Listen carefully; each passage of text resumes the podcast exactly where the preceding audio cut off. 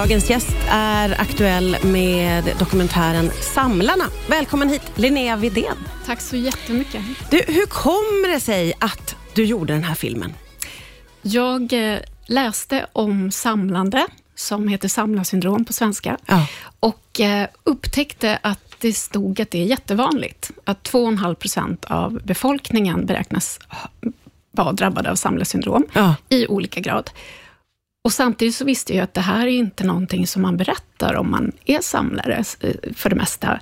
Och det, var ju, det skevade ju något enormt. Så ja. då tänkte jag, men det här måste jag undersöka, det här vill jag göra en film om. Ja, att det var så pass många som är drabbade av det här syndromet, det hade jag ingen aning om. Och många vill dölja det, eller hur?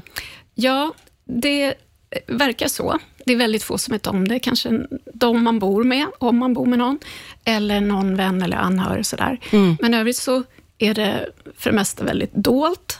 Eh, man kan ha mm, ett högfungerande yrkesliv och en tillvaro i övrigt, men just den här delen av sitt liv är det inte många som känner till. Nej, just det.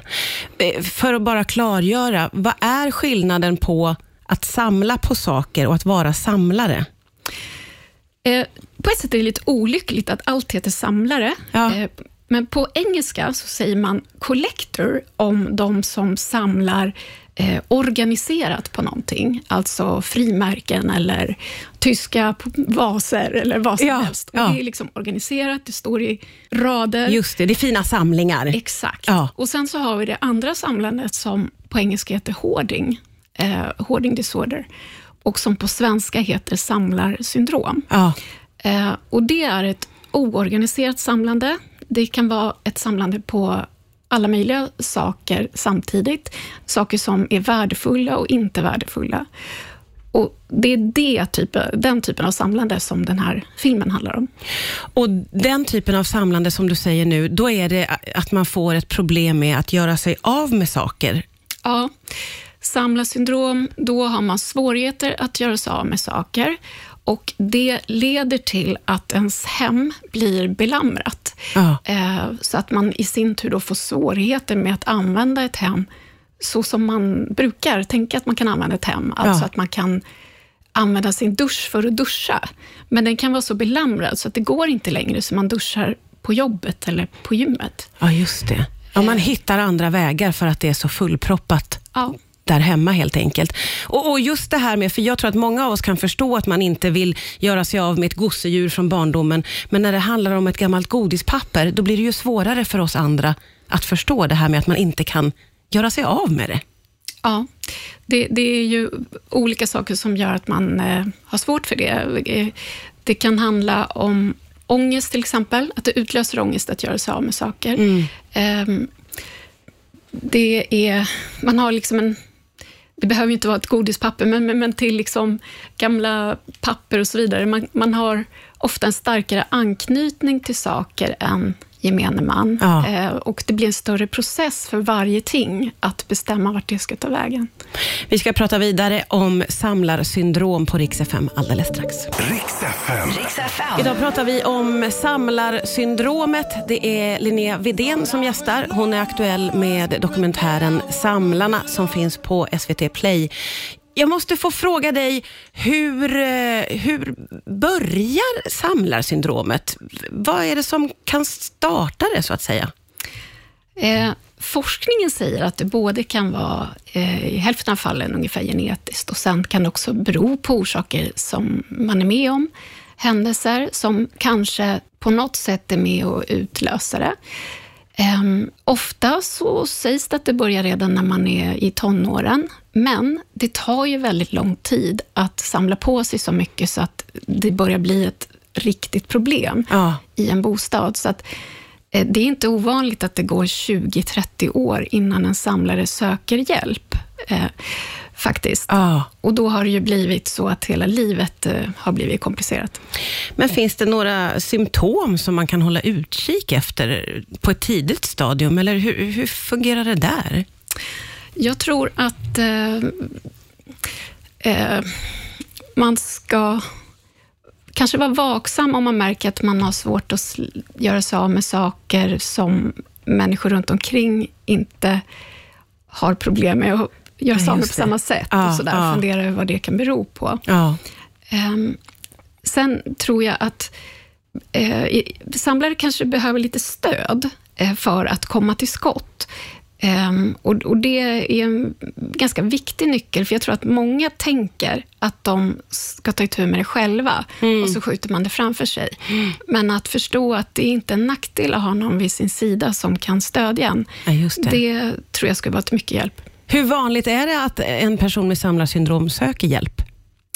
Uh, Ja, alltså om man tänker på hur stora tal det är, så är, kan, kan man ju säga att det inte är jättevanligt. Nej. Men, men eh, förhoppningsvis så hoppas jag med insikten att det här är väldigt vanligt och att det finns stöd och hjälp att få, att fler ska vilja det. Ja. Jag, jag, kan tänka mig att väldigt många tänker att de är rätt själva om det här och därmed inte ens har förstått att det finns hjälp. Men det finns hjälp att få?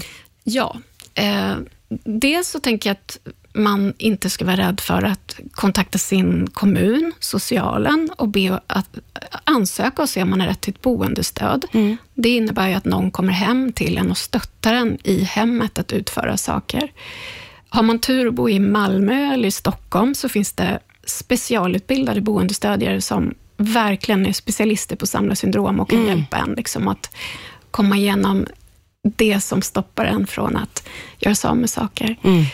Um, sen finns det också eh, i både i, på Södra Älvsborgs sjukhus i Västra Götaland och i Stockholm på Karolinska Huddinge en behandling inom det som kallas OCD-mottagning.